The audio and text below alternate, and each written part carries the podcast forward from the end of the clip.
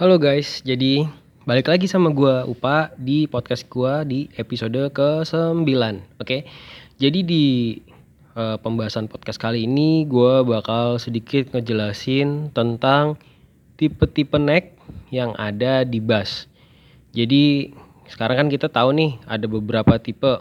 Ada teman-teman kalau pernah tahu atau pernah dengar ada yang namanya tipenya bolt on, ada yang namanya tipenya neck through, ada tipenya yang namanya set in neck. Oke. Jadi di pembahasan kali ini gue bakal ngejelasin satu-satu dari masing-masing tipe ini. Oke. Yang pertama gue mulai dulu dari bolt on karena eh, gue pribadi gue punya bass bolt on eh, apa ya? Gue punya Aria Pro itu necknya bolt on, terus gue juga punya Ibanez necknya bolt on juga, terus juga gue punya eh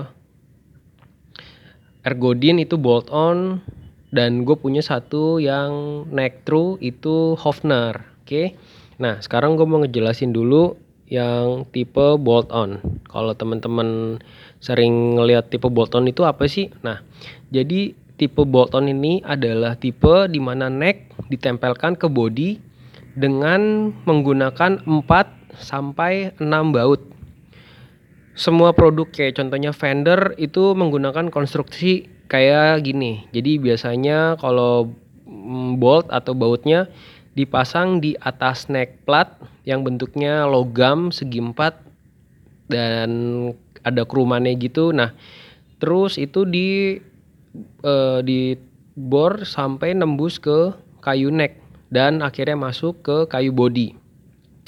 Ada juga yang nggak pakai neck plate. Kayak contohnya Ibanez gua yang SR1605 itu nggak pakai neck plate. Tapi ada juga yang pakai neck plate. Kayak em, sorry kayak dulu gue punya Semik dia pakai neck plate. Nah, keuntungannya apa sih kalau pakai bass yang tipenya bolt on? Oke, yang pertama keuntungannya kalau neck lu rusak itu bisa dilepas terus diganti aja sama neck yang baru. Tinggal bilang ke luthiernya paling ya habis sejuta dua juta lah untuk bikin neck. Jadi kalau bengkok teman-teman nggak perlu sama bodinya, bodinya copotin aja bawa necknya minta dipres, ya kan? Terus yang kedua, kalau misalkan teman-teman lagi bosen nih sama neck yang pakai fret, terus pengen ganti pakai misalkan fretless, ya udah tinggal ganti aja datang ke luthier bilang, "Mas saya pengen dong bikin eh, eh, bikin necknya aja nih tapi yang fretless." Nah, jadinya eh, lu cuma punya satu body tapi punya dua neck, oke? Terus yang keuntungan ketiganya eh, ini sih katanya suara yang ditimbulin lebih snappy kalau kata orang-orang, lebih berat dikit. Tapi kalau buat gua pribadi sih ini kayaknya sama aja lah.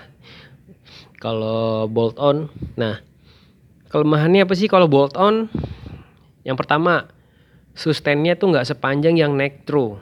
Ya jelas karena dari body ke neck itu udah beda kayunya, udah beda bahannya. Terus kerugiannya kalau eh, yang kedua, kalau misalkan bikinnya asal-asalan nih, ya atau bikinnya nggak presisi, biasanya bakalan nggak ngepas nih begitu dipasang sama celah di bodinya. Jadi ukuran necknya kadang kebesaran, jadi bodinya nggak masuk, atau ukuran necknya kekecilan, jadi di bodinya ada jeda, ada space, bikin jadi necknya nggak rata sama body dan itu ngaruh ke permainan kita jadinya. Nah, gue lanjut berikutnya untuk yang tipe bass neck through. Tipe bass neck through ini kalau misalkan teman-teman tahu itu eh, dia necknya itu sama kayu jadi satu. Oke. Neck through itu necknya sama bodinya jadi satu. Dan itu dari eh, bass-bass yang lumayan mahal kayak contohnya Alembic, Wine, Ken Smith. Itu biasanya pakai neck through. Warwick, nah itu juga neck through. kelebihannya apa sih kalau pakai bass yang tipe necknya neck true ya yang pertama otomatis sustainnya jadi lebih mantep lebih panjang sama lebih lama karena bahan dari neck sama bahan dari bodinya masih satu satu kesatuan ya kan? Jadi lebih panjang lah. Terus juga keuntungannya yang kedua lebih gampang akses ke fret-fret yang di bagian atas. Nah eh, kelemahannya apa dari neck ini? Kalau misalkan kita punya bass neck itu misalkan nih teman-teman tahu-tahu naruhnya salah-salah dan tiba-tiba pas lagi main ngerasa necknya bengkok. Nah ini yang jadi masalah nih. Karena kalau ini ada masalah sama necknya dan itu udah mesti dicek ya artinya teman-teman udah mulai-mulai berpikir nih siapin budget tambahan untuk beli bass yang baru. Karena eh, mungkin para luthier-luthier ini juga bakal eh, terkendala nih untuk ngebetulin neck yang rusak pada bass neck true karena ya tahu sendiri bagiannya itu jadi satu sama body. Dan yang kedua otomatis teman-teman nggak bisa gampang untuk ngeganti-ganti neck lah kayak yang bolt on. Kalau bolt on kan bisa dicopot pasang copot pasang karena ada bautnya. Nah kalau neck true ini dia otomatis begitu rusak necknya ya udah selesai sudah semuanya. Ya kan? Nah sekarang gue mau ngejelasin tipe ketiga yaitu set in neck. Jadi set in neck ini adalah tipe neck yang konstruksinya itu berada di tengah-tengah antara bolt on sama neck true konstruksinya itu lebih mirip ke bolt on ya kan? Tetapi necknya itu nggak dibaut melainkan ditempel dengan lem oke? Ditempel dengan lem nah keuntungannya apa sih kalau pakai uh, neck yang tipenya set in neck? Ya keuntungannya yang pasti pertama katanya orang-orang sih tone lebih warm. Cuma gue pribadi belum pernah nyobain bass yang kayak gini. Soalnya ya agak jarang sih gue bisa nemuin tipikal bass yang necknya set in neck eh, atau yang di lem kayak gini.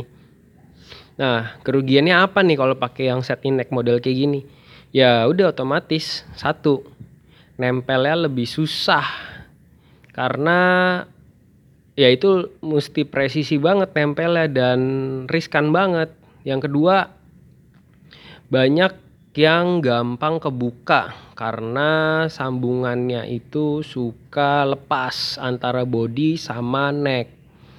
Dan yang ketiga ya udah otomatis betulin necknya udah susah udah kalau udah lepas. Nah, semoga eh, teman-teman paham sampai di sini bahwa di bass itu ada kategori-kategori neck yang memang kalau kita untuk pemula mungkin bisa dijadiin bahan pertimbangan dalam membeli bass ya kan.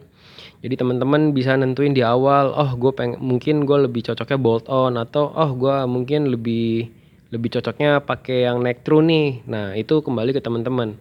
Gue pribadi selama ini punya uh, bolt on dan punya neck true. Jadi memang kalau yang neck true ini kayak model gue punya Hofner jadi Hofner ini eh, gue ngetritnya memang nggak boleh salah-salan jadi naroknya terus naro di stand maininnya itu bener-bener mesti apik kenapa karena tadi necknya itu jadi satu sama body apalagi Hofner bodinya hollow body ya kan yang ada ruangannya. Nah itu dia. Gue lebih sedikit detail dan memperhatikan untuk tata letak serta perawatannya yang Hofner. Nah kalau yang bolt on, yang bolt on ini udah beberapa kali sering gua servis dan juga beberapa kali uh, udah sering gua chat karena yang bolt on ini jauh lebih simpel untuk perawatannya. Ya temen-temen cuma pastiin aja kalau misalkan lagi dicopot bautnya itu jangan sampai uh, slack di body atau di necknya. Karena kalau udah selek sayang banget. Maksudnya kayunya jadi ngelos nanti nggak bisa dikencengin. Jadinya nggak bisa dipasang nanti necknya. Jadi bolt on sendiri ada yang langsung dari baut ke bodinya, ke neck, ke body. Ada juga yang pakai plat chrome ya. Jadi tipenya Bolton tuh ada dua tipe itu. Ya kalau misalkan eh, gua untuk perawatan neck sendiri itu biasanya kalau selesai latihan atau selesai manggung ya gua eh, rajin ngendorin senar karena supaya necknya nggak terlalu tegang dan nggak terlalu eh, berat untuk nahan eh, tarikannya. Nah kalau misalkan temen-temen eh, selesai latihan nggak mau dikendorin juga nggak masalah sih kan itu balik lagi. Tapi kalau untuk gue pribadi selama ini ya alhamdulillah jadi necknya awet. Kalau untuk trust route juga alhamdulillah awet cuma di setting-setting dikit tiap kali servis atau tiap kali selesai di press neck biasanya di setting-setting dikit aja sih habis itu udah dipasang lagi. Ya, gitulah penjelasan di episode ke 9. Semoga bisa bermanfaat untuk teman-teman yang mau beli bas. Oke. Sampai ketemu di episode ke 10. Bye bye.